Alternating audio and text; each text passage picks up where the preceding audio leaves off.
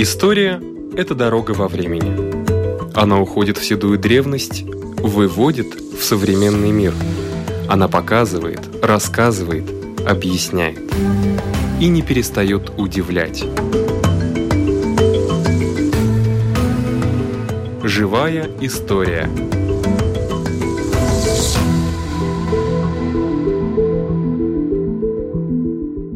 У микрофона Лидия Чера.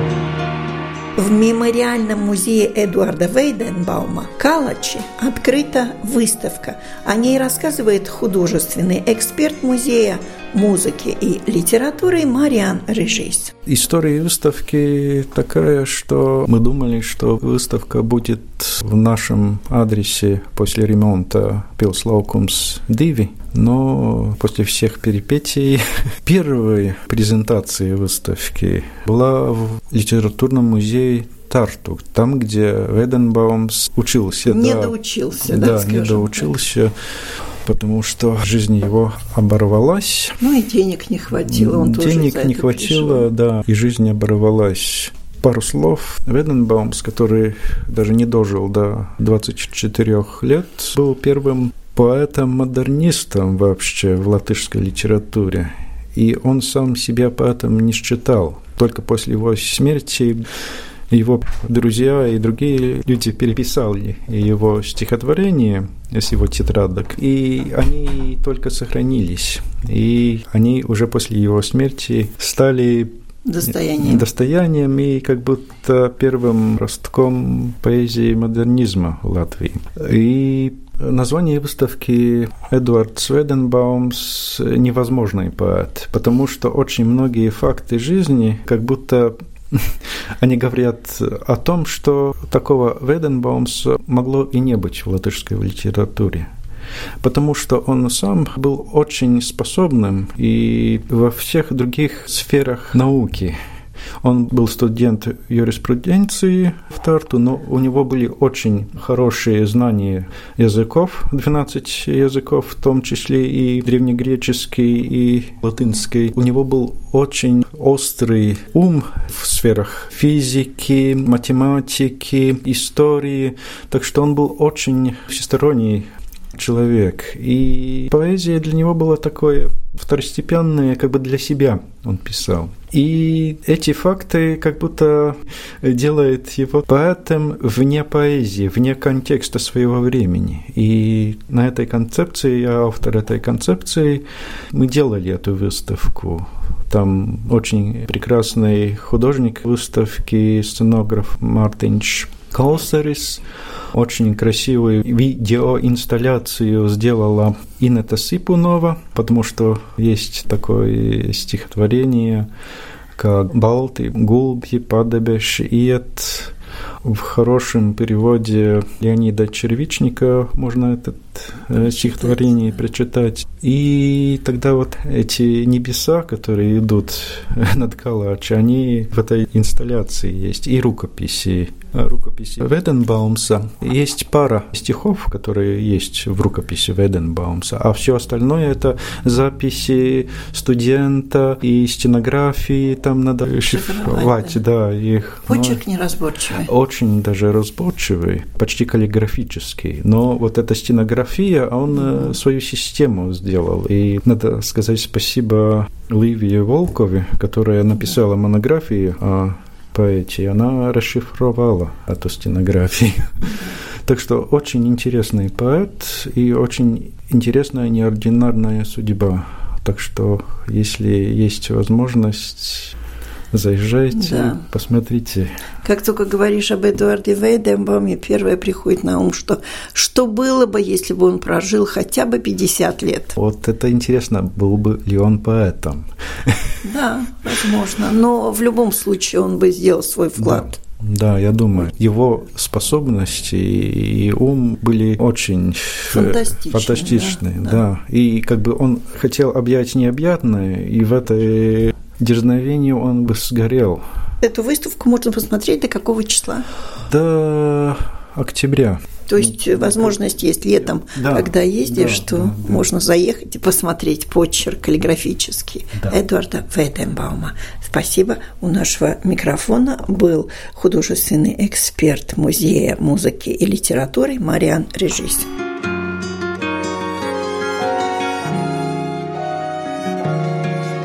Пару лет назад мы отмечали 140-летие со дня рождения Эдуарда Вейденбаума.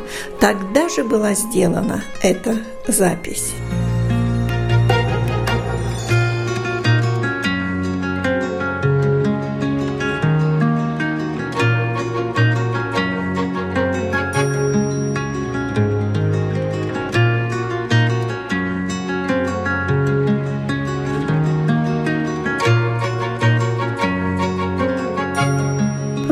Тяжкие печалят, от чего мне не везет, что не сделаю, не хвалят, под ногами будто лед. У иного нет работы, деньги сыплются с небес. У меня ж одни заботы, а страданий темный лес. Ни гроша, пустые карманы. Попроси, никто не даст. Я богаче вряд ли стану, лучше уж помру сейчас. Озеро блестит маняще, бросится бы вниз головой. С Богом братья по несчастью, завершаю путь земной. Немногие, наверное, сразу узнают стихи и автора этих строк Эдуарда Вейденбаума. Мало того, что написал он их, будучи совсем молодым, значит, наверное, тяжела жизнь была у Баума, какая у него была кличка среди студентов Терботского университета. У нас в студии литературовед Андрейс Граппис. Ну, жалко, что прожил так мало поэт. Согласитесь. Прожил мало и написал немного, всего лишь около ста единиц, оригиналы и переводы. Но значение его оказало очень большое влияние на век двадцатый. Несмотря на то, что общественные движения, которые давали такие магистральные направления в 20 веке, сформировались уже после смерти Вейденбаума. Так что же случилось? Случилось то, что он в своей поэзии начал 20 век, сам этого не подразумевая – в 1928 году в своей истории латышской литературы пастор церкви Старой Гертруды и лектор латышского языка и литературы Карлис Фрейденфелдс писал о поэзии Вейденбаума как о мосту между человеком и человеком. И вот это как раз и то новое, что Вейденбаумс приносит в латышскую поэзию – начало нового этапа. Это же заметил в 1932 году в своей истории литературы Виллис Плудонис, который в Вейденбауме сказал, что если до него в поэзии главной категорией было понятие «соотечественник», то Вейденбаумс на место соотечественника поставил понятие «человек». И в этом и заключается то самое, что он приносит новое. Можно сказать, что он сделал поэзию более лиричной, более интимной? Нет, он просто перешел на другой уровень мышления по сравнению с периодом национального романтизма в латышской литературе. Он был жестокий реалист, но у его реализма есть такая черта, что он понимал, что умом жизнь в этом неравенстве, жизнь в страданиях оправдать нельзя. Но все-таки надо жить дальше. И отсюда у него происходит пессимизм, который расцвел в разных направлениях литературы XX века не только в Латвии, но и в Западной Европе. И таким образом это общечеловеческие ценности вывели Вейденбаума, небольшого поэта, небольшого народа, в одну из самых славных плеяд уже поэзии XX века. Конечно, лет 40 назад Эдвард Вейденбаумс был революционным поэтом. Социалистического реализма. Да, но поскольку это определение базировалось на утверждении Ленина, что если перед нами действительно великий художник, то его творчество отображает, по крайней мере, один признак революционной ситуации. В поэзии Вейденбаума этот признак можно найти не только один, но и даже два. То есть низшие слои не могут жить по-старому, высшие слои не хотят жить по-старому. И в связи с этим следующий аспект, ну, он, конечно, был знаком с учением Маркса, но само по себе учение Маркса еще не имеет ничего преступного. Маркс был выдающимся экономистом, и первый том его «Капитала» действительно еще теперь является настольной книгой и никак э, не убавляется на прилавках магазинов. Но второе, что рядом с Марксом определяло поэзию Вейденбаума в то время, это атеизм, отрицание веры. Вот у нас первый атеистический поэт всего социалистического лагеря литературы латышской. То есть он не обращался мысленно к Богу, да? Но если почитать внимательно поэзию Вейденбаума, то оказывается, что Бог для него существует – он понимает высшее назначение, что такое божество, но он выступает против церкви. Он не соглашается с двойственной моралью, которая характерна некоторым, конечно, не всем, но некоторым служащим церкви. И в этом смысле Вейденбомс наш соратник сегодня.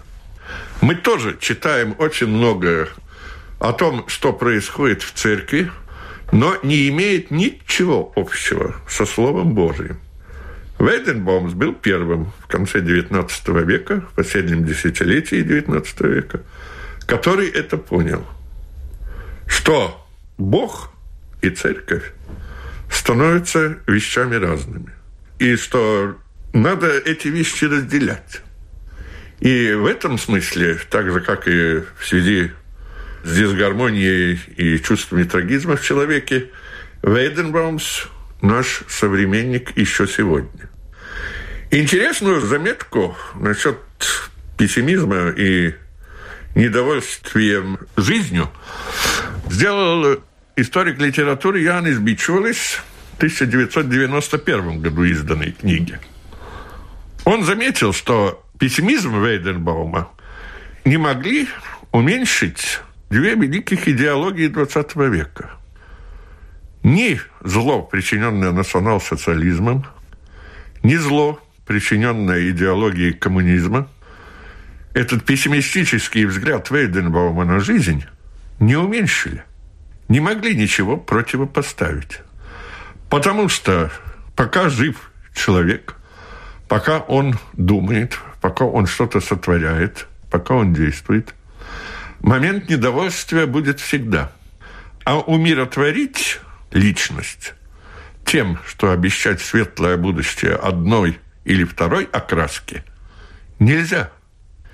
И недовольные, конечно, были всегда, были созидатели, были разрушители, но это общечеловеческая черта поэзии Вейденбаума – все-таки остается, потому что каким бы человек ни был оптимистом, каким бы он ни был таким вулканическим созидателем и все такое, свой момент недовольствия есть всегда.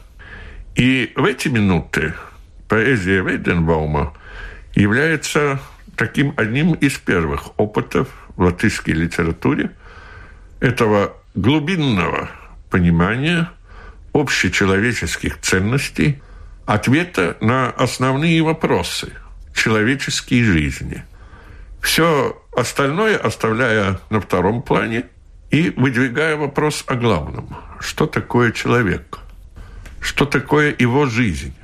И как справиться с нашим недостаточным и весьма несовершенным миром? Этот вопрос вечен – И позиция Вейденбаума в конце XIX века прожила весь XX век, mm-hmm. было активно в сознании. И если вы посмотрите, еще не сходит с книжных полок сегодня.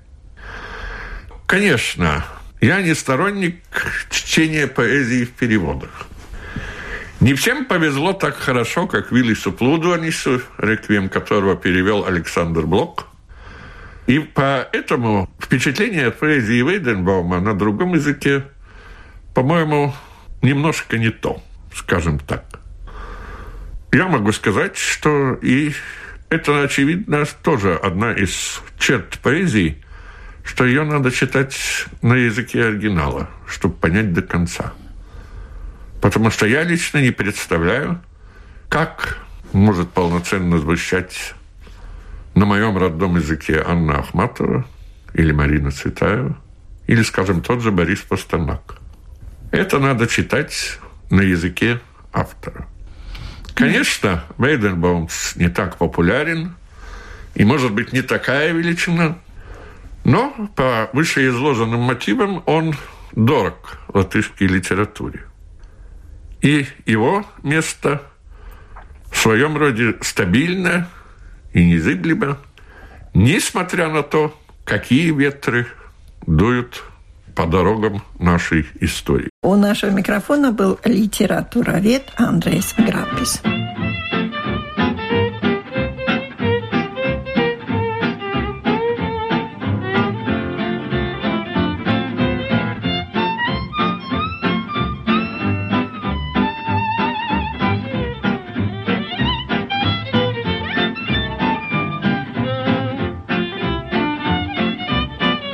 Нашей программе мы рассказывали об истории Саркандауговы, но на сей раз об исторической проблеме, с которой знакомы почти все густонаселенные рабочие районы. Саркандаугова или Красная Двина – район латвийской столицы, расположенный на север от центра города.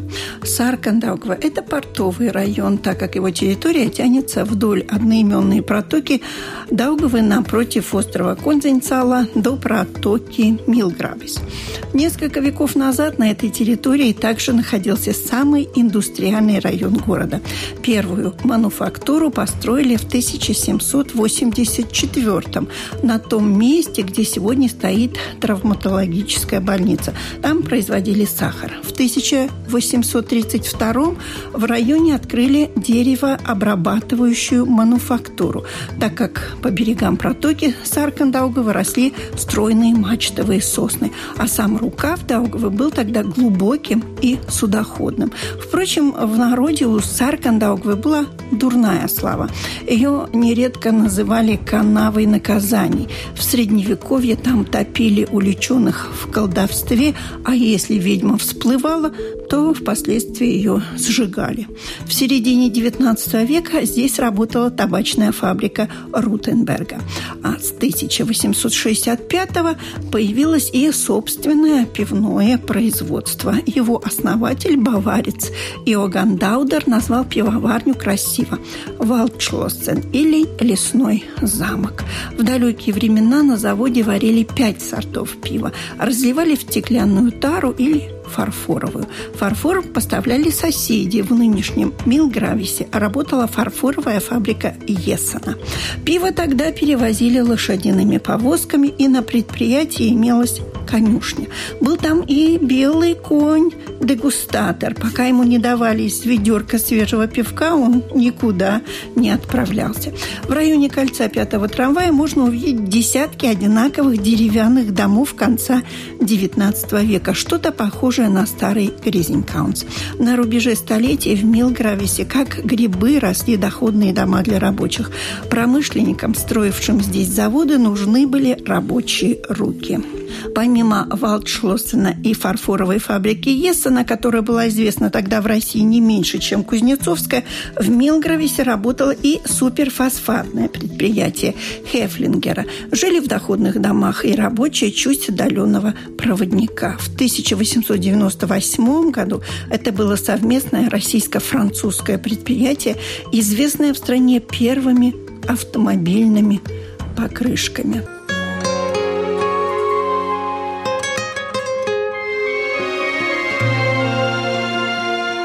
Сотрудник Государственного исторического архива Гунтис Ваверис.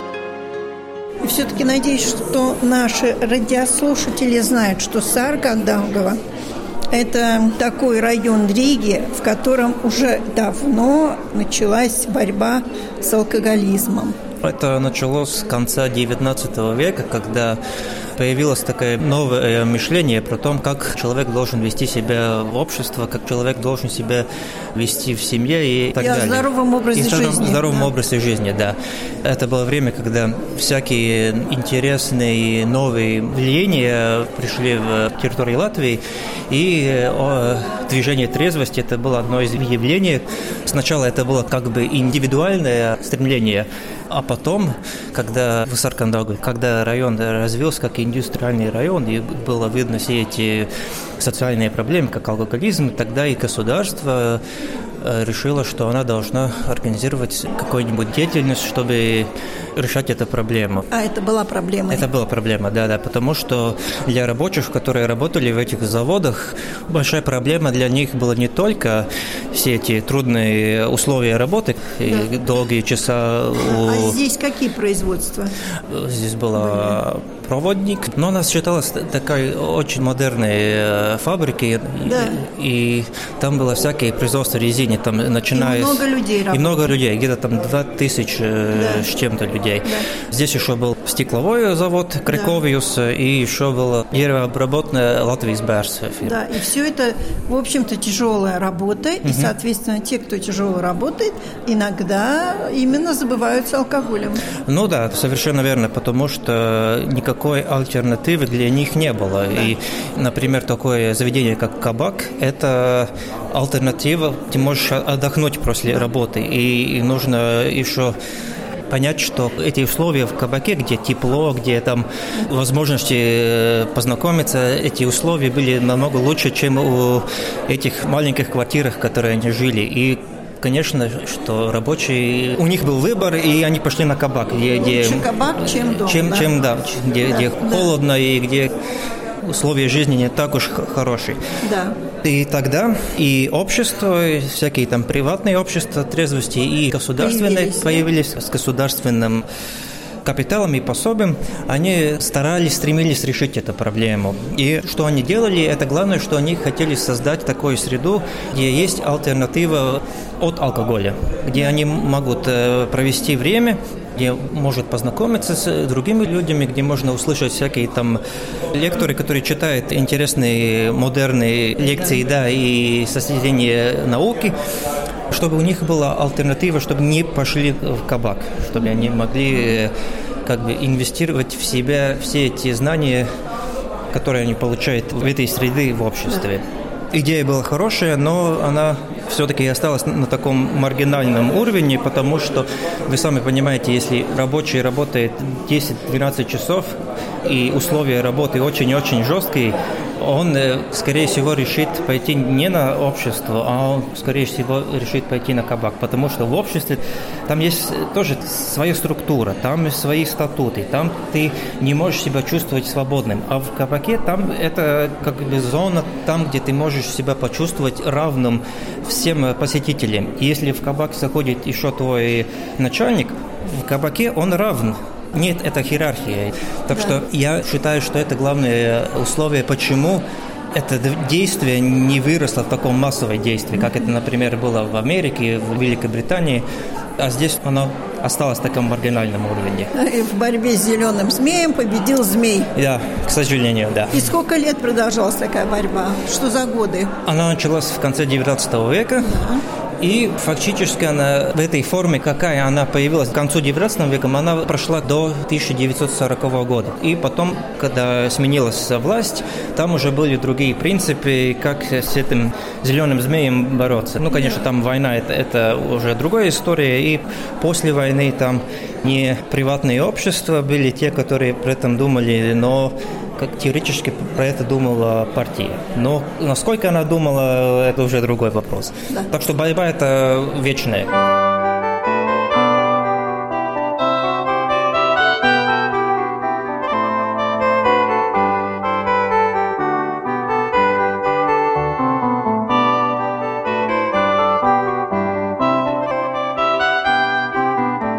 «100 реликвий истории Латвии», рассказывает историк Ирина Зейбарте. На этот раз мы предлагаем вам очень интересную реликвию. Ну, вообще-то, я опять говорю, очень интересную. Надо сказать, что мы считаем, что все из этих ста реликвий чем-то уникальны, но это, о которой мы поговорим сегодня, уникально в своем роде, в любом случае на территории Латвии обязательно. Потому что речь пойдет о самом древнем, самом старейшем изображении человеческого лица, портрета, реалистичном изображении, которое найдено на территории Латвии. Находка очень интересная и случайная. Могли ее и не найти, но спасибо археологам, находка дошла до нас. Это обломок глиняной штукатурки, наверное, которая покрывала когда-то печь. А нашли ее на территории одного из самых известных, самых больших городищ на территории Латвии – Тервете. В 1955 году, когда археолог Эмилия Бривкална производила там раскопки, неожиданно нашелся этот обломок. Он покрывал печь в доме ювелира.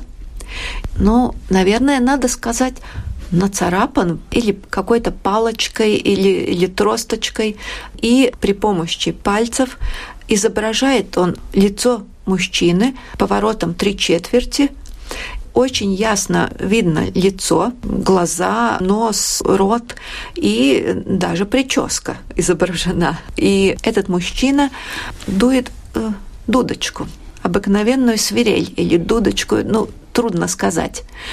Это, как известно, один из самых древних, известных вообще человечеству музыкальных инструментов, поэтому помочь он э, датировке, конечно, не может. Скорее может помочь э, датировке то, что найден этот обломок глины в том уровне раскопок городища, который относится к XIII веку. И XIII век, как известно, это переломный век в истории э, Латвии. Это время, когда на территории Латвии начинают э, поселяться немецкие поселенцы, торговцы, миссионеры и потом братья орденов. Сначала меченосцев, потом Ливонского ордена. Ну, это время викингов. И да, уже прошло немножко время викингов, но время, как сказать, крестоносцев, завоевание территории Латвии, это именно 13 век. И городище Тервета в истории Латвии занимает в истории именно 13 века особое место, потому что это один из центров Земгалы, одно из центральных поселений, центральных городищ Земгалов. И Земгалы в то время были одной из пяти народностей, населяющих территории Латвии.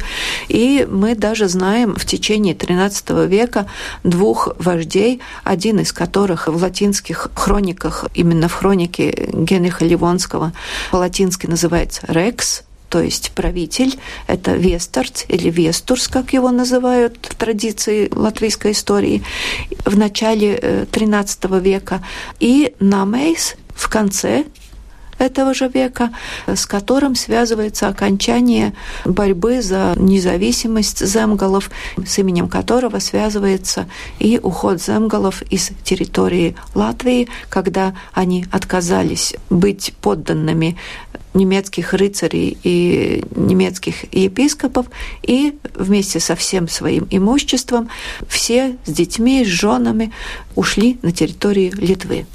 И все это время городище Тервете было таким центром земгалов, и поэтому может быть и не случайно это находка. Конечно, есть версии о том, кто мог бы быть автором этого изображения мужчины. Во-первых, это, конечно, мог быть кто-то из местных, из местных земгалов, но может быть и кто-нибудь из, как сказать, гостей заморских, когда уже немецкие рыцари не однажды и посещали Тервета еще как гости, и потом уже как завоеватели. Я думаю, что мы можем абсолютно точно сказать, что автора этого изображения мы не найдем. Не найдем. ну, Имени его точно. мы тоже никогда не узнаем. Но самое важное то, что вообще в это время, 11, 12, 13 веке, очень редко находятся изображения именно человека, именно человеческого лица. И, например, в первых костелах которые были построены на территории Латвии, то есть э, Икшчеле, Мартинсала, это конец XII века, начало XIII века, при их раскопках не найдено никаких графических изображений. И именно поэтому эта случайная находка в городище Тервете до сих пор является единственной такой находкой, которую мы можем считать единственным живописным таким изображением человеческого лица. И мы, когда смотрим на это изображение, можем пофантазировать и представить себе, что именно таким мог выглядеть житель Тайрвета, житель территории Латвии в XIII веке. Можем пофантазировать, если увидим этот рисунок воочию.